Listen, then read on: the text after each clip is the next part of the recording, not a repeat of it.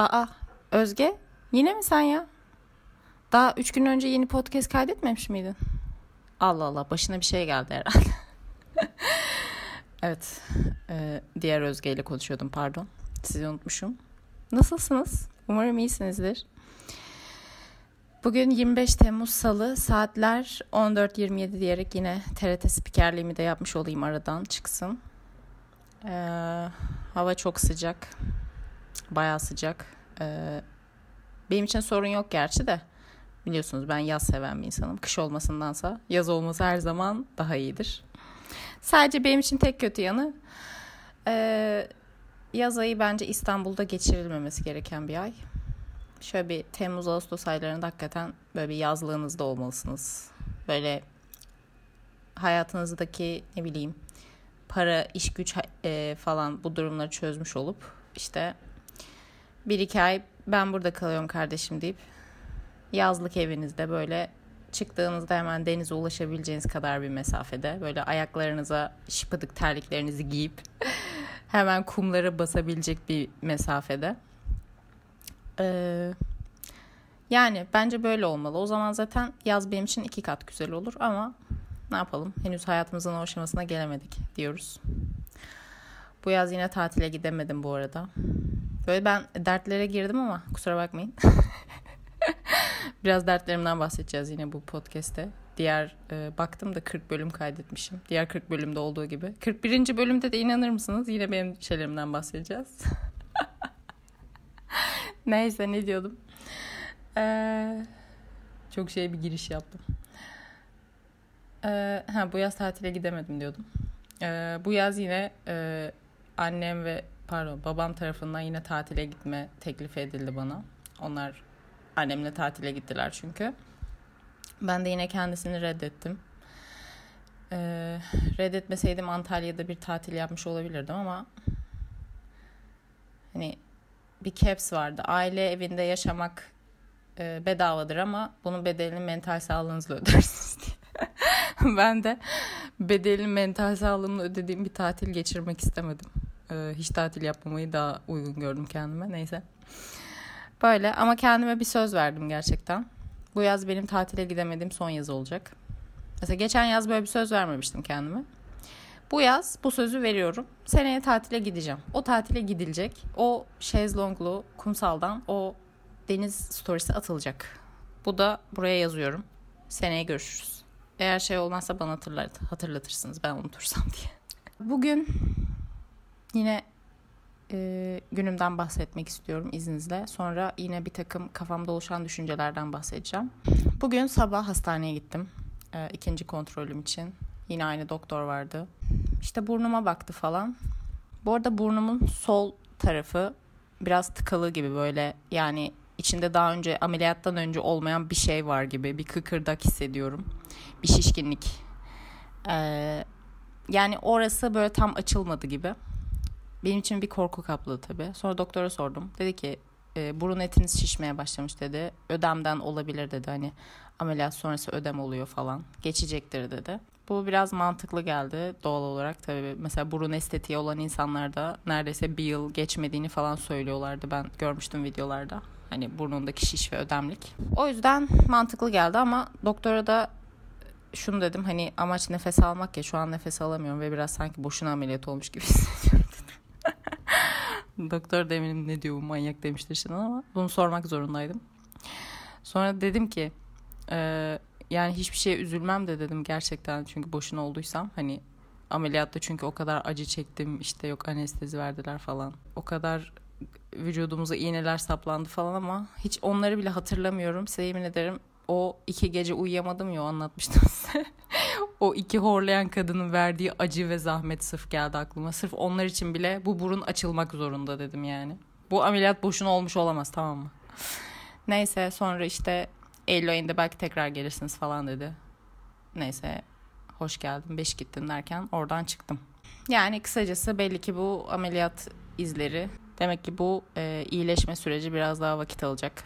Henüz bir ay oldu zaten. Benim yine tatlış minnoş pozitifliğim yine biraz yıkıldı. Demek ki biraz daha vakit alacak ama ne yapalım. En azından ben üzerime düşeni yaptığımı düşünüyorum bu konuda ve gerisini evrene bırakıyorum artık. Onun dışında bugün hastanede yine başıma fantastik bir olay geldi. Geçen hatırlarsanız geçen bölümde ben ünlü değilim falan diye böyle bir cümleler söylemiştim. Evren bunları benim ağzıma sokmak için sanırım bu lafları bana yedirmek için. Başıma tesadüfi bir olay getirdi. Şöyle bugün ilk defa dışarıda tanındım. Birisi beni tanıdı. Kendimi ünlü gibi hissettim. Çok komikti. Bugün hastaneye gittiğimde bankoda görevliler oluyor işte böyle sizi kayıt yapıyorlar falan vezneden. Tam orada işte ben işte şu doktora geldim falan diye TC'mi söylerken sağdan sağ tarafımdan bir kadın aa Palas Pandas ben de baktım gayri ihtiyari. Aa dedi ben sizi tanıyorum dedi. Ha falan oldum böyle. Bir yandan da tam o şeyi söyleyip e, doktorun yanına gitmem lazım. Saat 10 olmuştu çünkü. Benim de tam ondaydı biraz geç kalıyor gibiydim yani. Tam ucu ucuna yetiştim. Aa evet falan dedim. Sonra kadın dedi ki işte ben sizi şeyden tanıyorum dedi. Sizi parkta görmüştüm dedi. Ee, şeyi kastediyor yani eskiden annemlerin oradayken yaşadığımda gittiğim bir park vardı. Yani onu kastediyor beni orada görmüş sanırım. Sonra böyle bir konuştuk falan anlamadım. Sonra benim gitmem lazım dedim işte gittim. Sonra kadını çıkışta ben gördüm tekrar. Aslında böyle konuşup sohbet etmek istedim ama kadın sanırım çocuğunu mu ne hastaneye getirmişti galiba. Onda böyle işleri var gibi görünüyordu. O yüzden rahatsız etmek istemedim. Ama böyle tatlı bir an yaşandı. Mutlu oldum. 5 ee, saniyeli falan kendimi ünlü ve önemli birisi gibi hissettim. Sonra kadın bana Instagram'dan yazmış Palas Pandaras'ın hesabından. Sizi işte 2017'den beri takip ediyorum falan yazmış. Sizi dedi o parkta görmüştüm işte orada minik defterler dikiyordunuz dedi. Ben tam ilk hatırlayamadım. Şey yazmış hatta o zaman tesettürlüydünüz yazmış. Ben dedim evet o zaman tesettürlüydüm. doğru. Bu bilgi doğru gerçekten. Öyle. Şey geldi aklıma. Benim bir ara yine ne yapacağımı bilemediğim ama gidip parklarda falan oturduğum böyle hayatı, işi çözmeye çalıştığım zamanlar vardı. Kadın muhtemelen beni o depresif anlarımda görmüş olabilir. Muhtemelen kadınla tanışmış olabiliriz. Yoksa hatırlamazdı diye düşünüyorum. Neyse. Yani e, ilk defa dışarıda tanındım ve e, son derece tuhaf bir anda yakaladı beni yine hastanede nedense. Ama güzeldi. En azından böyle iyi niyetli birilerinin size gelmesi de iyi hissettiriyormuş yani onu fark ettim. Bu arada beni dışarıda görürseniz yani bilmiyorum bir yerde karşılaşırsak eğer yanıma gelebilirsiniz korkmadan. Mutlu olurum. Sohbet edebiliriz. Yani şimdi bir önceki şeyde böyle anlattım ya belki kötü bir intiba bırakmış olabilirim diye. Ee, şey demişim sapık değilseniz eğer gelebilirsiniz sorun yok. Tacizci değilseniz gelebilirsiniz. Ee, yani böyle bugünüm böyle geçti. Hastaneye gittim. Sonra eve tekrar döndüm. Ee, hastaneye gittiğim günlerde de günüm tamamen basically yani yok olduğu için Bugün çok iş yapamayacağım sanırım. Ama kargoya gitmem lazım bugün. Dört buçuk gibi. Ee, kargoya gitmeden önce bari bir podcast yapayım dedim. Bugün çünkü gerçekten üzerine düşündüğüm şeyler vardı. Ee, yine içimden çıkmaya çalışan şeyler var. Onu fark ettim. Ee, onlardan bahsedeceğim. Bir de geçen bölümde anlatmadığım, eksik kalan birkaç şey vardı. Onları anlatacağım size. Yani böyle. Kargoya gidene kadar birlikteyiz. Şimdi ilk olarak ben neyi anlatacağım? Şu geçen sefer e, geçen bölümde hani anlatmak istemediğim bir olay var demiştim ya size. Tumblr sapığım var demiştim hani bir tane size. Şimdi şunu fark ettim. Hani dedim ya bu aralar bu taciz olayları üzerine düşünüyorum. Ee, bunu yanlış anlayanlar da olmuş. Arkadaşlar öncelikle bir şey söylemek istiyorum. Benim burada anlattığım şeyler muhtemelen e, birçok insanı ilgilendirmiyor. Yani şu açıdan diyorum. Ben burada bir şey anlatıyorum ya. Bazen çok yanlış insanlar üzerine alınıyor. Ben orada sizden bahsetmiyor da olabilirim. Hani her şey sizinle ilgili değil. Bütün dünya sizin etrafınızda dönmüyor. Öncelikle bunu söylemek istiyorum. Ee, bunu neden söylüyorum? Ben burada bir şey anlatıyorum mesela eski belki de çok geçmiş hayatımdan bir örnek veriyorum. Belki de hiç muhatabı sen olmayan bir insandan bahsediyorum hatta. Hatta muhatabı olan insan bunu dinlemiyordur bile muhtemelen. Ama üstüne alınıp sonra bana mesaj atıyorsunuz. Bunu yapmayın lütfen. Sadece dinleyin ve geçin. Buradan bir fayda alın, e, bir yarar alın ve e, beğeniyorsanız en kötü beğenebilirsiniz. Beni takip edebilirsiniz ama hani bir şey yapmanıza gerek yok. Bunu da neden söylüyorum? Böyle çok garip garip insanlar üzerine alınıyor onu fark ettim. Benim burada şimdi bunlardan bahsetmem aslında size bahsetmediğim birkaç olay daha vardı. Dediğim gibi bu o, yani geçen hafta böyle her şey üst üste geldi gibi oldu benim için biraz. Ve bu tabii ki bana bir şey anlatmaya çalışıyor. Yani benim e, yine içime gömdüğüm ve çözdüğüm şeylerin dışarı çıkması gerektiğini gösteriyor. E, ben artık e, tüm yaşadığım olaylara bu şekilde baktığım için e, benim için de faydalı gerçekten. Çünkü eskiden bunu yapmıyordum. Başıma bir şey geldiğinde hani anlattım ya geçen bölüm ya hemen koşa koşa gidip bir arkadaşıma anlatıyordum ve üzerine düşünüp onu asla çözmüyordum ve anlattığım gibi öyle kalıyordu sadece. Ya da başıma bir şey geldiyse bunu öylece kabulleniyordum sessizce. Hatta üzülüyordum ya bu niye benim başıma geldi falan diye. Böyle moralim bozuluyordu boş yere mal mal. Ağlıyordum, zırlıyordum. Sonra olayı böyle hiç yaşanmamış gibi e, geçip gidiyordum yani bu şekilde. Geçen hafta da böyle birkaç şey üst üste gelince tek bir şey değil altını çiziyorum. Üst üste dedim ki burada bir şey var yani. Mesela en basitinden geçen hafta ya tam olarak ne zaman olduğunu unuttum ama bir hafta işte neyse bir gün sanırım kargodan eve dönüyor olmam lazım. Ee, bir tane araba beni takip etti. Yani bunu fark etmem bile biraz vakit aldı mesela. Çünkü anlamlandıramadım yani. Olayın saçmalığı o kadar garipti ki. Ama e, olay bittikten sonra kendimi çok kötü hissettim mesela ve bunu hiçbir yerde anlatmadım. Şimdi burada anlatacağım. Çünkü dediğim gibi artık bu tarz şeyleri içimde tutmak istemiyorum. İçimde tuttukça e, bana iyi gelmediğini, beni e, hem frekans olarak aşağı çektiğini ve vücudumda bunun e, bir takım tepkiler verdiğini fark ettim. Şimdi ilk önce bunu anlatacağım. Sonra da geçen bölüm bahsettiğim olayı anlatacağım. Belli ki olayın artık anlatılması ve içimden çıkması gerekiyor. Şimdi ilk ile başlıyorum. Şimdi geçen hafta dediğim gibi ben yolda yürürken müzik dinliyorum. O gün de inanılmaz mutluyum ama böyle. Yine güzel bir şey olmuş sanırım. Tam hatırlamıyorum ne olduğunu. Böyle modumun çok yüksek olduğu, böyle hayatımda hiçbir sorun yokmuş gibi hissettiğim nadir günlerden biriydi tamam mı? Bazen benim olur öyle. Mesela bir ton derdim vardır. Hiçbir şeyim çözülmemiştir ama durduk yere kendimi çok iyi hissederim ve müzik dinleyip yürüyüş yaparken genelde ve çok mutlu olduğum 1-2 saat vardır yani. O kadarcık da olsun artık ya gerçekten. Hani neyse. Tam böyle yürüyorum. Soldan e, bir arabanın ya bir araba var. içinde bir adam var. Bana bakıyor. İlk önce hani şey sandım. Yanıma yaklaştı ve durdu. Hani şey olur ya bazen size yol sorarlar falan. Öyle bir şey sandım ama bir şey de demedi. Ben de geçtim gittim. Sonra ben yürümeye devam ettikçe bakıyorum araba yanımdan yanımdan gidiyor. Yani bir şeyle bir kere karşılaşırsın ama hani 2 3 4'te artık bunun bir tesadüf olmadığını anlarsın yani. Ben de dediğim gibi hani o an zaten müzik dinliyorum. Kafamda başka şeyler var. Çok da ilgilenmediğim için e, ilk anda da fark etmedim zaten. Ha, bu araba beni mi takip ediyor falan gibi. Ama bizim gerçekten yani bilinçli olmasak da vücudumuz bunu hissediyor bence. Hani şöyle bir şey duymuştum. Uyurken bile birisi sizi izlese bunu hisseder misiniz? Yani ya da ne bileyim arkamız dönük diyelim. Birisi bizi gözetliyor. Bize bir his geliyor yani. Birisinin bize baktığını bence hissediyoruz. Ee, yani bence bana orada öyle bir şey oldu yani. Ben fark etmedim aklımla ama vücudum bunu hissetti bence ve rahatsız oldu. Sonra e, ben böyle yürümeye devam ettikçe bayağı bir yol yürüdüm yani. Baktım yanımdan böyle yavaşça hala gelmeye devam ediyor bu araba ve o an tedirgin olmaya başladım iki düşte. Çünkü ben nereye dönsem oraya geliyor falan.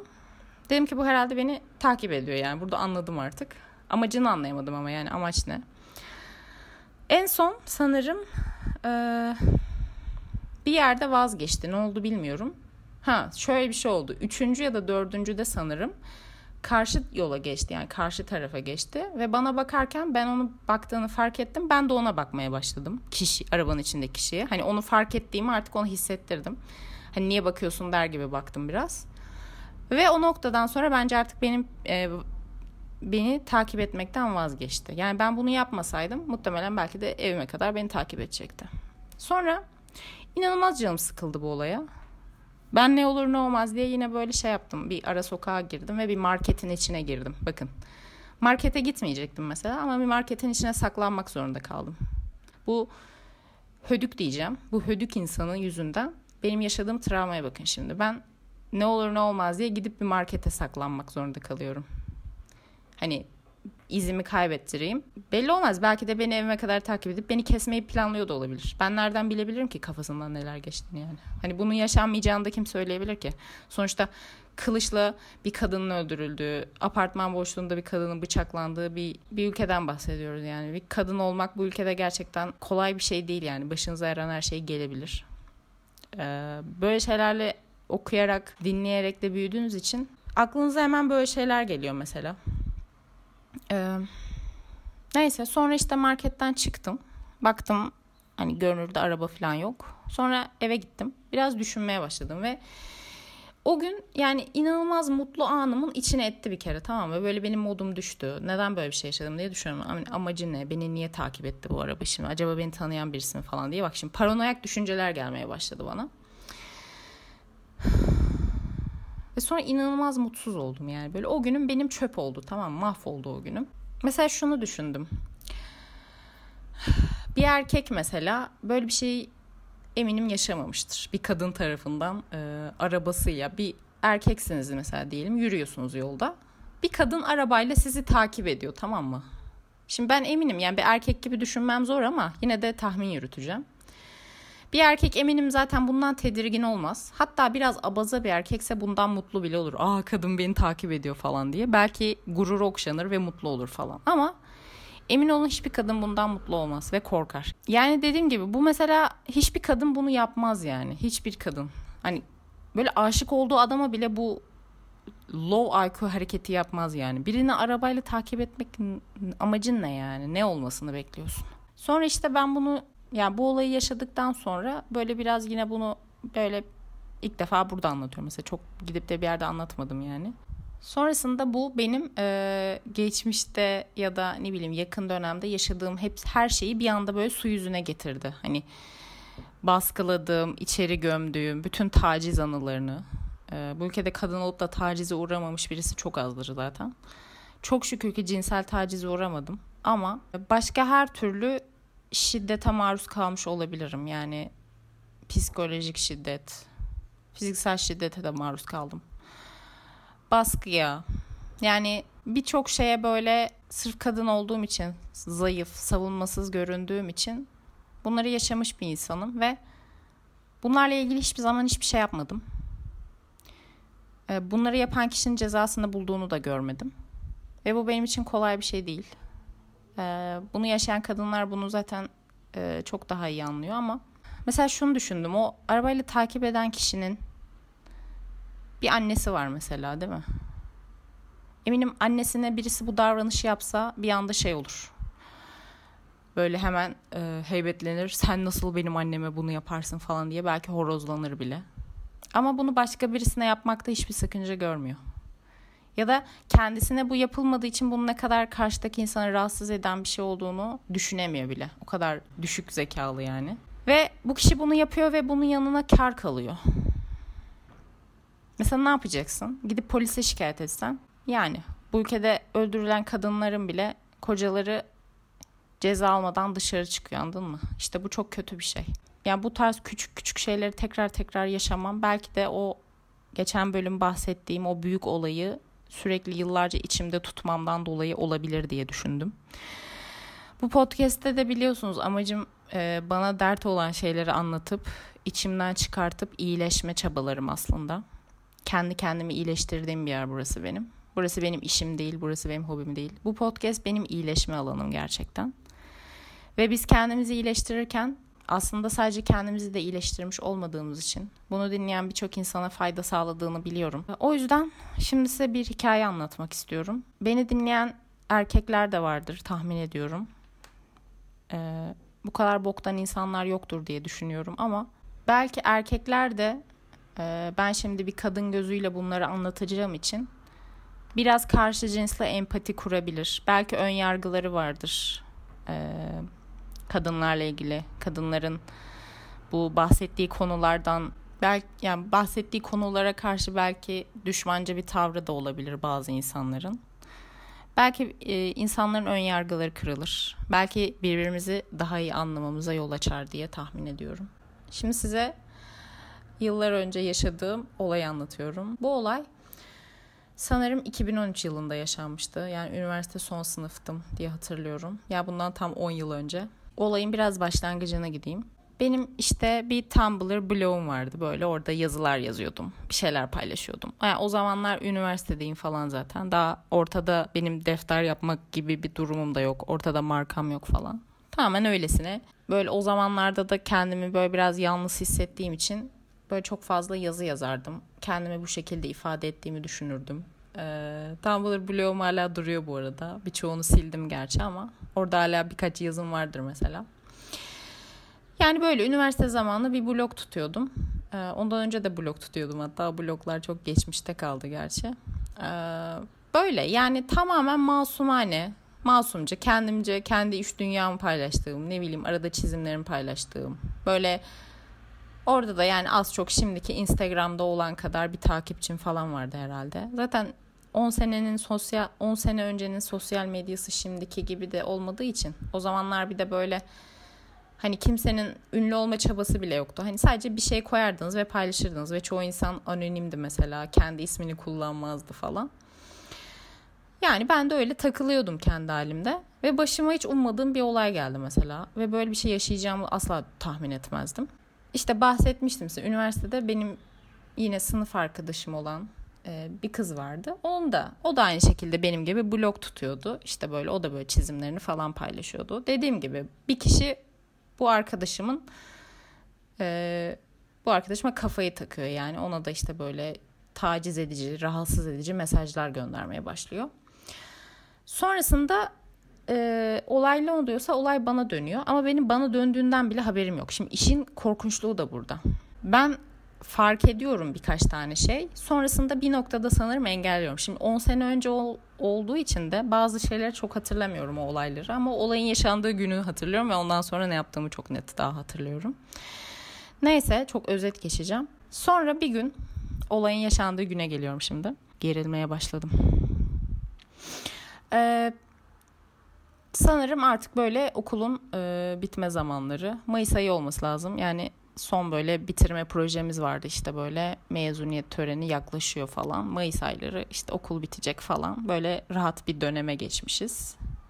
Ya o zaman ya da ilk dönemin sonu olması lazım diye tahmin ediyorum. Neyse tam tarihleri hatırlamıyorum şimdi. Bir pazartesi günüydü. Bizim o zaman çizgi film animasyon diye bir dersimiz vardı. Pazartesi günleri, pazartesi sabahı onu da hatırlıyorum. O gün de hatta aslında ders yoktu. Sadece bizim bir projeyi teslim etmek için o zamanlarda üniversitede en yakın arkadaşım olan yine başka bir kız arkadaşımla birlikte o gün okula gitmeye karar verdik. Dedik hani projemizi bırakalım sonrasında da işte gidip bir yerde otururuz.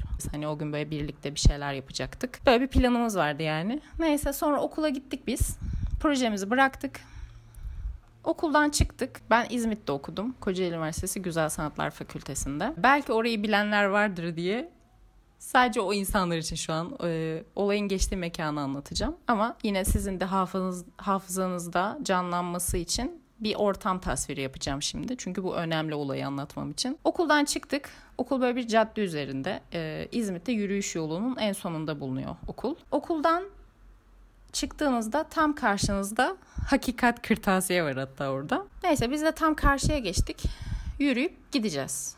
Tam böyle yürürken Arkamdan birisinin ismimi seslendiğini duydum. Bir adam sesi Özge, Özge diye bağırıyor böyle tamam mı?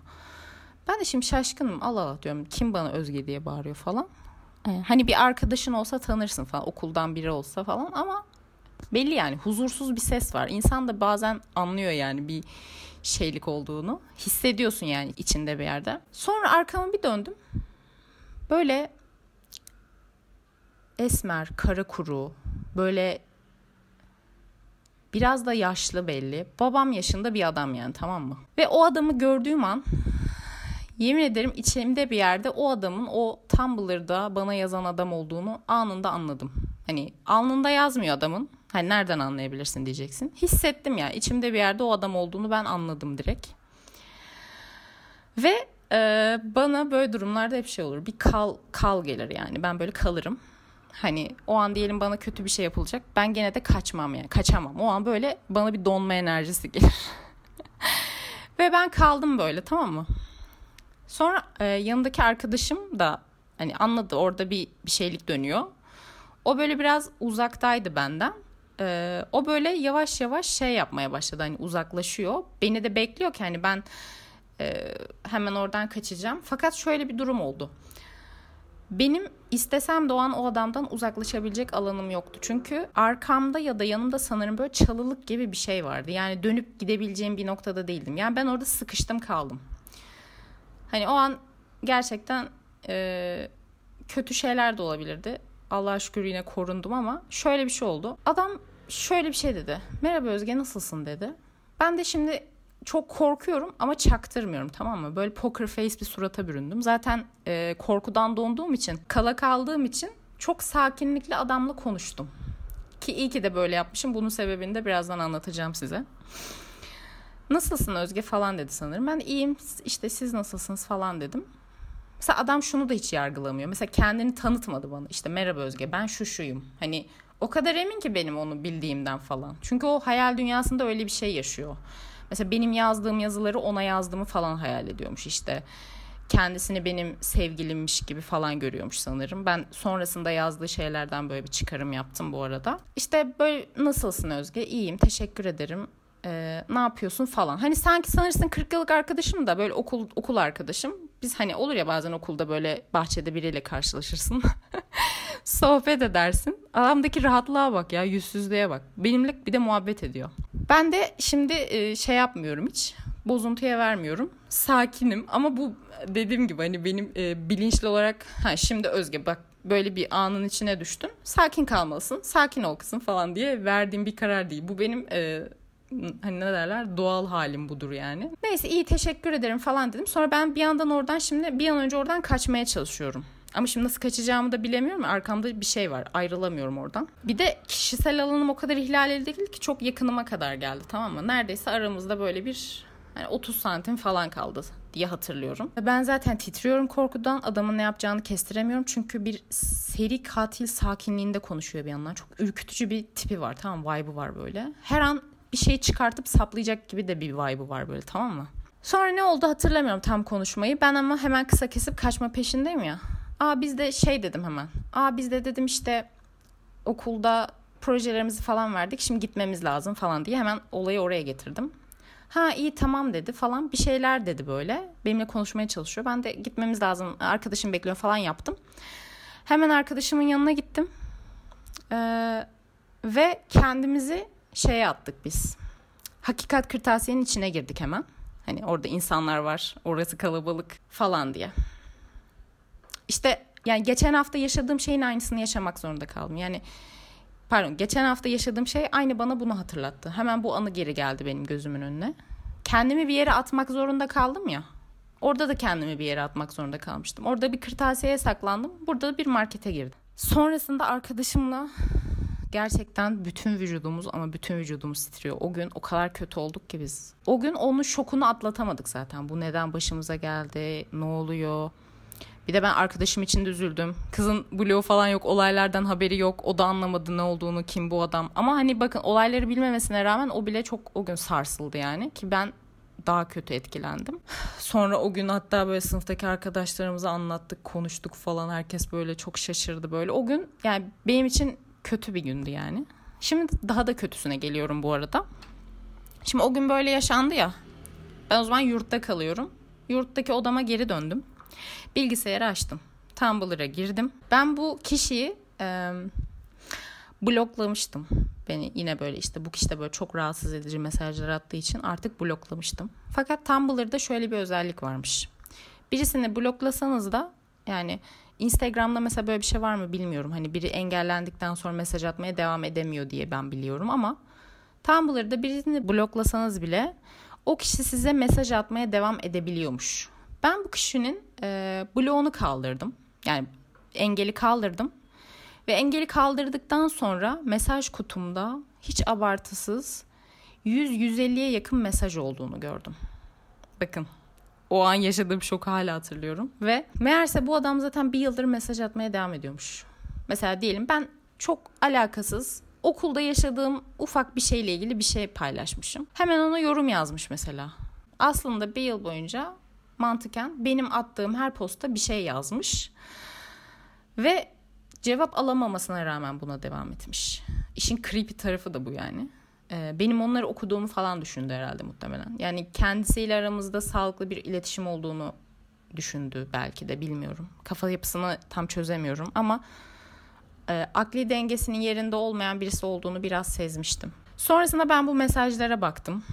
Okudum, okudum, okudum ve okudukça aynen şöyle bir an yaşandı benim açımdan. Hani korku filmlerinde ya da gerilim filmlerinde böyle 40 dakika boyunca olaylar ilerler ama hiçbir şey olmaz. Sonda bir sahne vardır.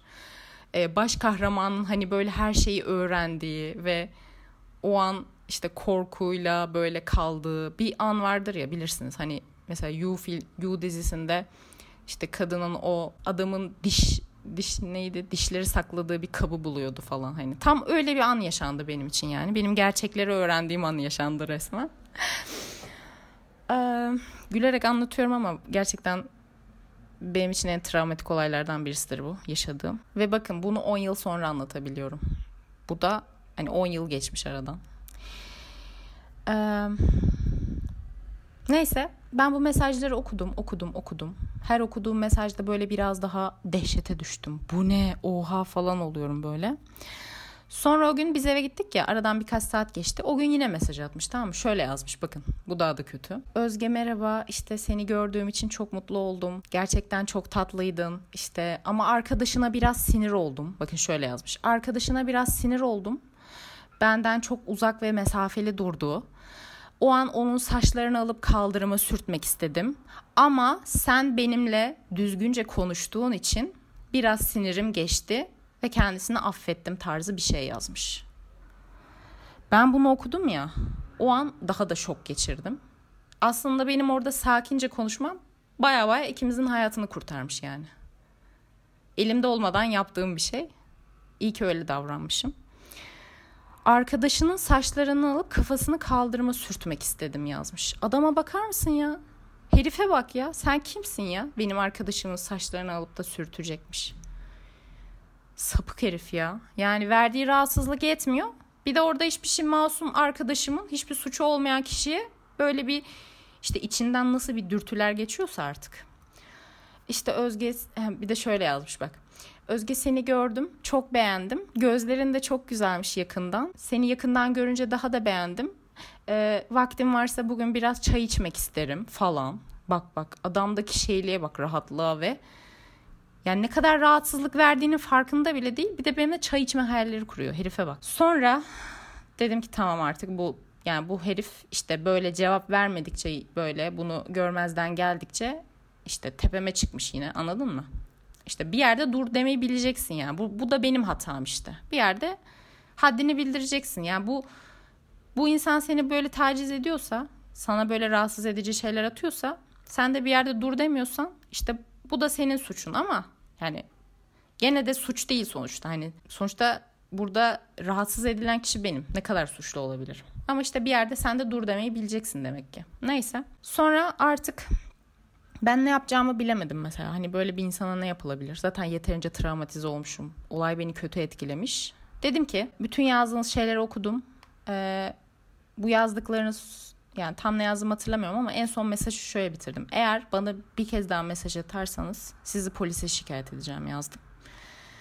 Ve sonrasında bir ters dönüş, bir korku. Sonrasında bana hiçbir şey yazmadı. Sadece iki mesaj yazdı.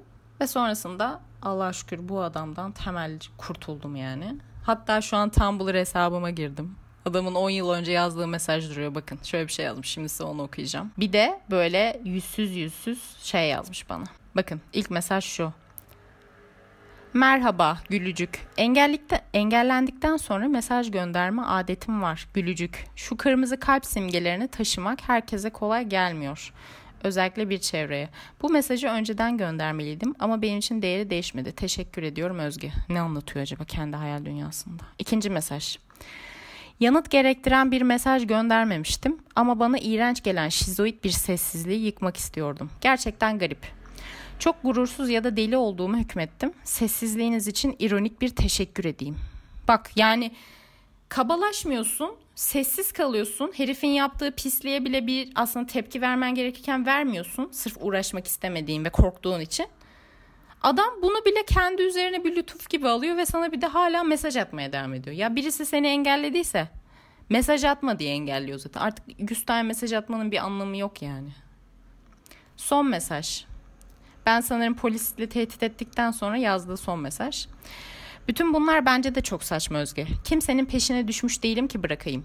Sizinle ilgili bir sorunum yok. Bana bu mektubu iki yıl önce atsan ötekileri de yazmazdım. Birazcık dürüst olalım artık. Bak bak. Yani diyor ki sen bana hayır demediğin için ben bu pislikleri ve şerefsizlikleri yaptım. Yani sen bana yüz verdin falan demeye getiriyor. Yani adamdaki bu rahatlık ve gebeşliği aklım almıyor ya. Yani sen bana bu işte sen yani sen bana bu yüzü verdiğin için ben böyleyim diyor. Adamdaki şeyliğe bak ya. Ya inanılmaz bak şu an bile okuyunca sinir oldum. Birazcık dürüst olalım artık. Evet ya beni taciz etmen o kadar hoşuma gitti ki. inanılmaz mutlu oldum. O yüzden sana bu mektubu yazmak istemedim. Bana biraz daha mesaj yaz diye. Benim bir kere senin mesaj attığından bile haberim yok. Adam işte hayal dünyasında yaşıyor. Arkadaşımın ismini söylemiş. X de umarım gerçekten mahkemeye vermiştir. Çünkü o arkadaşım da onu mahkemeye vermekle tehdit etmişti. Ondan bahsediyor. Bu samimiyetsizliğe bir mesaj daha gönderecek değilim ama istersen sen de verebilirsin. Adamdaki rahatlık, adamdaki pişkinlik seviyesine bak ya. Midem bulandı ya. Tekrar okudum ve 10 yıl sonra hala midem bulanıyor. Bu da son mesajdı. Sonrasında bir daha da ne yazdım ne bir şey. Sonra beni zaten Tumblr'dan soğuttu bu olay. Bir daha işte yani mesela şunu fark ettim. Dedim ya ben bu olayı yani yaşayalı neredeyse 10 sene olmuş. O olaydan sonra ben galiba daha çok kendi içime kapandım. Hem internet aleminde hem kendi içimde. Böyle artık insanlara bir şey en ufak bir şey bile paylaşacak olsam kendimi geri çektiğimi fark ettim. Bunu da şimdi şimdi fark ediyorum. Yani inanın 3 yıl önce YouTube kanalı açmış bir insan olarak bunu şu an fark ediyorum. Ama bunu anlattığım için mutluyum. Çünkü şöyle hissettiriyordu. İçte bir yerde bu eminim bütün kadınlar bunu hisseder. Sizin sizin başınıza gelen kötü, taciz ya da e, rahatsızlık veren bir durum hiçbir suçunuz olmamasına rağmen içte bir yerde sanki bu senin suçunmuş gibi hissettirir. Bu çok saçma ama bu böyle. Ben de böyle hissettim. Bu sanki benim suçummuş gibi hissettim uzun yıllar. Yani bunun benim başıma gelmiş olması adamın pisliğinden dolayı değil de. Ha ben blog yazıyorum ya. Ben blog yazmasaydım tabii başıma bu olay gelmeyecekti. Halbuki alakası yok. Hani şey gibi. O da kısa etek giymeseymiş gibi bir muhabbete geliyor. Hayır ben o kısa eteği giyeceğim. Sen beni taciz etmeyeceksin ama. Bu kadar basit. Ben blog yazacağım. Benim kendimi ifade etmeye hakkım var. Benim var olmaya hakkım var. Bu dünyaya geldiysem ben kendimi istediğim biçimde ifade edebilirim. Sen yaptığın pisliği yap, yapmayacaksın ama.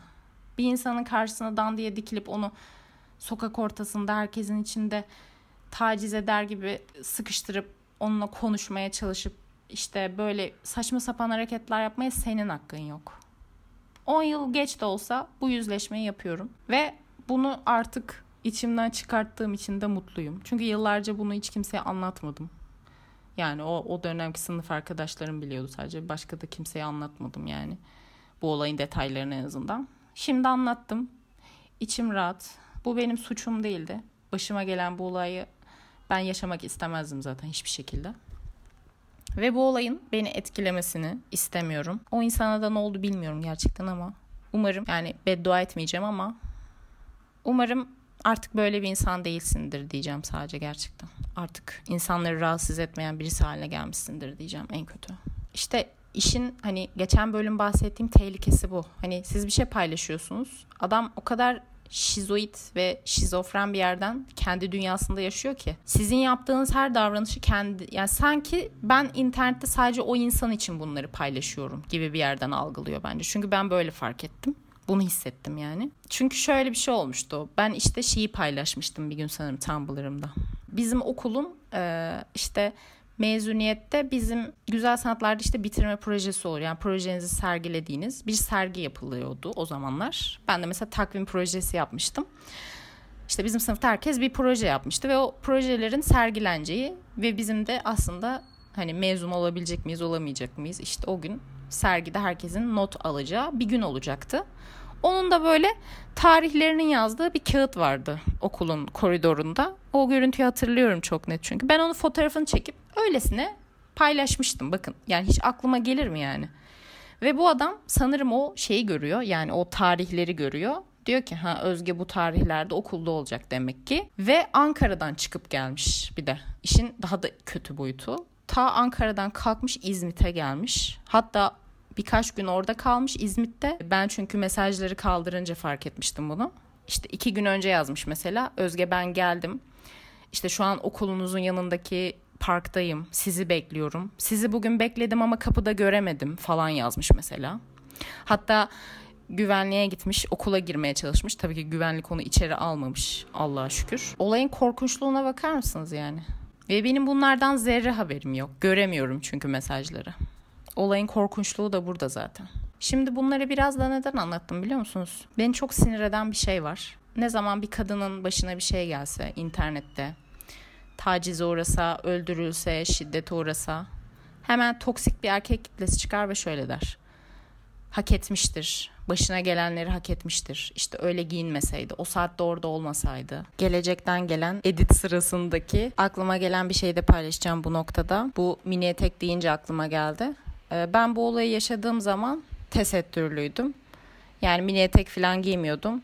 Vücudumun hiçbir yeri de görünmüyordu. Yani tezde çürütülmüş oluyor böylece. Yani olay vücudunuzun neresinin açık ya da kapalı olduğu ile ilgili değil. Sadece cinsiyetinizle ilgili ve kadın olduğumuz için bunlar oluyor. Bu kadar. Bunu da eklemek istedim. İyi dinlemeler diyorum tekrardan. Ya da şu vardır. Çok uzun yıllar önce başına bir taciz olayı gelmiştir. Mesela bu Me Too hareketi gibi. İşte ne zaman, neden o zaman sesini çıkartmadı? İşte o zaman keşke anlatsaydı. Belki de uyduruyor bunları falan diye. Birincisi bakın gördüğünüz gibi benim bu kadar basit bir olayı bile hani bakıldığında e, basit değil ama hani belki çok çok daha kötü yaşanan taciz olaylarına göre bu bir nebze ta- e, basit kalıyor şimdi. Ama ben bile bunu mesela 10 yıl sonra anlatabiliyorum burada. 10 yıl sonra ya 10 yıl. Daha kötüsünü yaşayan kadınların ne yaşadığını tahmin dahi edemiyorum. Etmek de istemem. Bu yani çok kötü bir şey. Ve bir insan bunu ömür boyu anlatmamayı da seçebilir. Bu o kadının suçu değil yani. Anlatmayı seçiyorsa da kimsenin o kadını yargılamaya da hakkı yok. İşte o yüzden diyorum bir şeyleri anlatmak kolay bir şey değildir her zaman. Hele ki böyle zor şeyleri anlatmak hiç kolay değildir. O yüzden eğer bilmiyorum böyle bir düşünceniz varsa bu düşüncenizin yıkılmasına belki yardımcı olur bu anlattıklarım. Bir insan başına gelen bir şeyi anlatıyorsa onu yargılamadan dinlemeniz gerekir. Çünkü bir insanın ne yaşadığını yani o insan dışında zaten kimse bilemez. Ve dediğim gibi bu tarz taciz olaylarını anlatmak her zaman kolay değildir. Ve anlatan kişiye bence saygı duyul, duyulması gerekiyor. Gelecekten ikinci edit. Ben bu tarz e, true crime videolarını izlerken de hayatında gerçekten başına gelen korkunç hikayeleri anlatan insanları dinlerken o insanlara gerçekten galiba bu yüzden büyük bir saygı duyuyorum ve büyük bir saygıyla dinliyorum anlattıklarını. Çünkü yaptıkları şey kolay değil. Netflix'te milyonlarca izlenecek bir belgeselde kadın başına gelmiş en talihsiz olayı e, kendini açık bir hale getirerek anlatıyor ve bence bu saygı duyulması gereken bir şey. O yüzden bu insanlara karşı içimde bir saygı ve hayranlık olmuştur. Bence çok cesur bir şey yapıyorlar. Böyle bunu da eklemek istedim.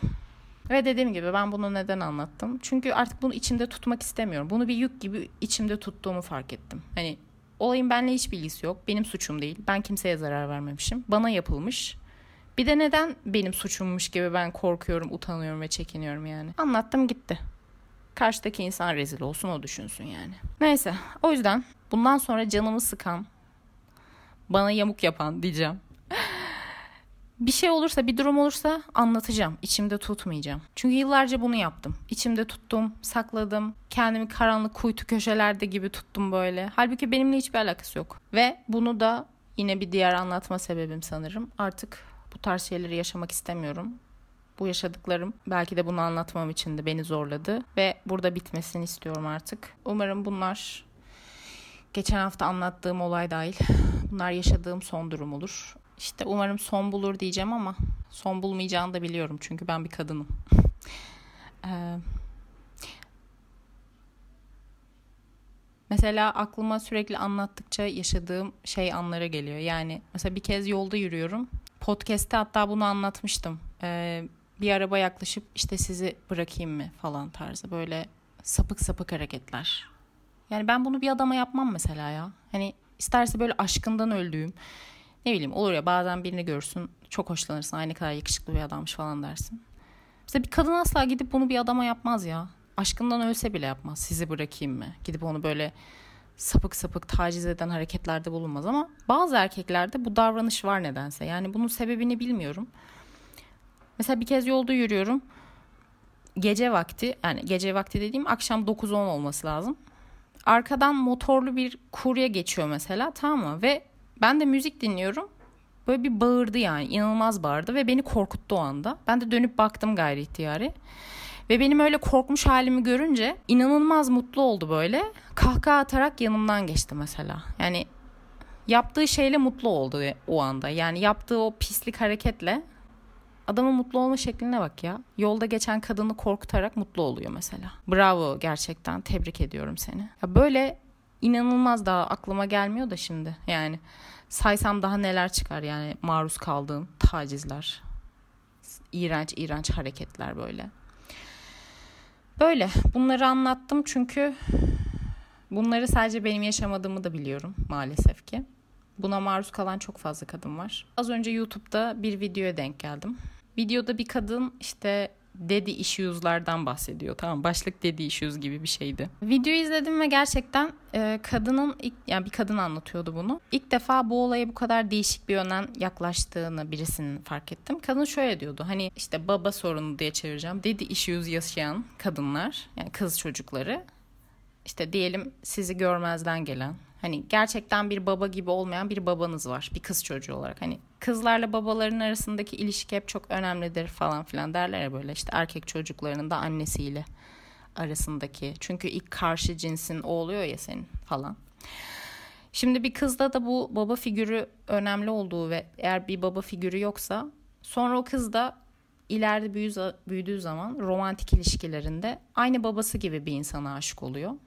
Mesela bunu fark etmiyor bile. Yani aslında gidip böyle eliyle hani seçse bulamayacağı birisine hani babasının kopyası bir adama aşık oluyor. Ee, ve onu çok sevdiğini zannediyor. Aslında toksik bir ilişki. Ee, kendisine aynı babasının davrandığını bile fark edemiyor mesela. Babası belki ona işte görmezden geliyordu sevdiği kişi de onu da görmezden geliyor. Babası ona belki hakaret ediyordu. Sevdiği kişi de ona hakaret ediyor. Bir insan bunu ancak içinden çıktığı zaman anlayabiliyor. Ama bu videoda hoşuma giden bir şey söyledi kadın. Hep işte baba sorunu olan kızlardan bahsediliyor ama hiç baba sorunu olan erkeklerden bahsedilmiyor dedi. Çok doğru. Yani hayatında baba figürü olmayan erkekler de var sonuçta. Ve kadınlardan farklı olarak dedi kadın. E, işte baba sorunu olan kadınlar kendilerine zarar veriyorlar ama baba sorunu olan erkekler kadınlara zarar veriyorlar dedi. Ve bundan daha doğru bir tespit duymamıştım bunca zamandır. Çünkü o kadar doğru ki. İşte bu belki de bu bahsettiğim bu sapık var ya tacizci, zorlayıcı, istenmediğini anlayamayan e, erkekler de belki de hayatlarında baba figürü olmayan insanlar ve onlar da hayatlarında sağlıklı bir baba, bir erkek figürü nasıl olmalı? E, bunu göremedikleri için, bunu bilmedikleri için böyle kötü kötü davranışlarda bulunup bunu kadınlara yöneltiyorlar. Ve bugün üzerine düşündüğüm şeyler üzerine bu videoyu izleyince çok daha mantıklı geldi. Ve kadın son olarak şöyle bir benzetme yaptı. Ee, aynı benim söylediğim şeyi söyledi işte. O işte kadınların üzerine çok gidiyorsunuz. Kadınlar şöyle diyorsunuz, böyle diyorsunuz işte. Hani bu hani feminizm hareketinin biraz küçültülmesi, biraz kadınların haksız görülmesi, erkeklerin kendini bazı konularda hep daha haklı ve üstün görmesi üzerine. Kadın şöyle bir şey söyledi. Erkekler bir e, araba gibiler ama biz kadınlar yayayız. Yani yayalara her zaman çarpılmaz ama eğer bir araba yayaya çarparsa orada yaya daha çok zarar görür gibi bir şey söyledi. Yani bu doğru. Ee, mesela bu anlattığım olayların içinde beni o takip eden işte bu tacizci adam bu adamlar eminim ertesi gün hiçbir şey olmamış gibi hayatına devam etmiştir. Ama onların yaptığı şeyler bende bir iz bıraktı. Beni kötü hissettirdi. Ve ben yaya konumundayım. Onlar bana çarpmış oldular aslında. Ve çarpıp kaçıp gittiler mesela. Cezalandırılmadılar. Ben onları kimseye şikayet edemedim. Evet o peşimi bıraksın diye orada seni polise şikayet edeceğim dedim ama gerçekten o an polise gidip şikayet etmeyi düşünmedim bile aslında. Çünkü biliyordum yani ne diyeceksin ki ne yapacaksın ya da polis ne yapacak. Ha belki de gidip etmeliydim. Belki biraz daha iş kötü bir noktaya gitse belki giderdim bilmiyorum. O zamanlar bir de e, daha da gençtim. Şimdiki kadar kendime özgüvenim falan da yoktu. Ne yapardım bilmiyorum. Ha, şu an böyle bir şey yaşarsam tabii ki gidip şikayet ederim. Ama dediğim gibi insan kendini böyle şeylerde biraz e, şey hissediyor. Ve bir de bu tacizci adamların mesajlarına boyun eğmediğiniz zaman şu an sosyal medyada işte ben biraz bunu yaşıyorum. Bir de siz kötü ilan ediliyorsunuz yani. Hayır ben kötü değilim. Siz kötüsünüz. Bu podcast'te bunun e, ilan olsun. Bu podcast bölümü yine gerçekten kendimi iyileştirdiğim bir terapi seansı oldu. Bunları anlattığım için çok mutluyum. Umarım dışarıda bir yerlerde beni dinleyen çok fazla kadın olduğunu da biliyorum. Kız çocuğu olduğunu da biliyorum. Eğer böyle bir şey yaşadıysanız kendinizi suçlu hissetmeyin. Siz suçlu değilsiniz. Sizi bun, size bunları yaşatan insanlar suçlu ve çevrenizde varsa bunu anlatabileceğiniz insanlara anlatın. Hiç anlatamıyorsanız, eğer çevrenizde anlatabileceğiniz kimse yoksa internette anlatın. Twitter'da yazın.